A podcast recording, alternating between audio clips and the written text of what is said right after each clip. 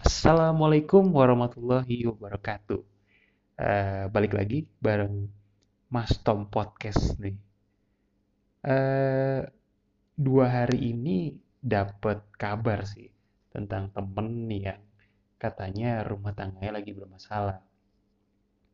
Bukannya saya ahli ya dalam hal ini, cuma kayaknya nih ada dua tips yang mungkin bisa coba dipakai pada saat rumah tangga lagi bermasalah. Oke, pertama itu adalah sabar. Nah, sabar ini banyak banget implementasinya. Pertama, tahan bicara. Coba deh, kalau lagi marah, tahan bicara. Karena kadang-kadang kalau kita lagi marah, itu nggak kekontrol malahan keluarlah tuh semua omongan yang gak jelas karena emosi. Itu yang pertama. Yang kedua, jangan curhat sembarangan. Sabar juga ya. Jadi kalau mau curhat ya coba cari orang yang kira-kira benar-benar bijaksana. Atau kalau kamu pikir gak ada, ya udah aja deh.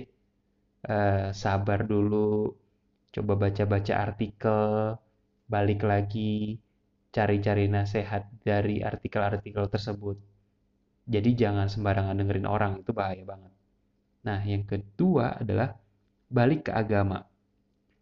Kamu bisa coba cari, kalau yang agama Islam ya, coba cari-cari ustadz-ustadz yang ngebahas tentang hal ini, tentang perselingkuhan, tentang rumah tangga, dan tentunya coba cari yang bisa bikin lebih adem, bukan malah yang bikin lebih parah. Lalu yang kedua mungkin ibadah.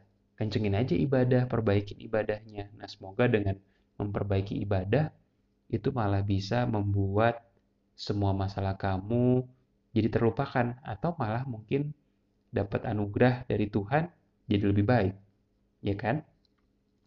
Nah, kira-kira itu sih eh, sedikit saran untuk yang lagi bermasalah rumah tangganya, percaya deh, kalau keluar ketemu orang yang gak jelas cenderungannya, malah bisa memperparah keadaan.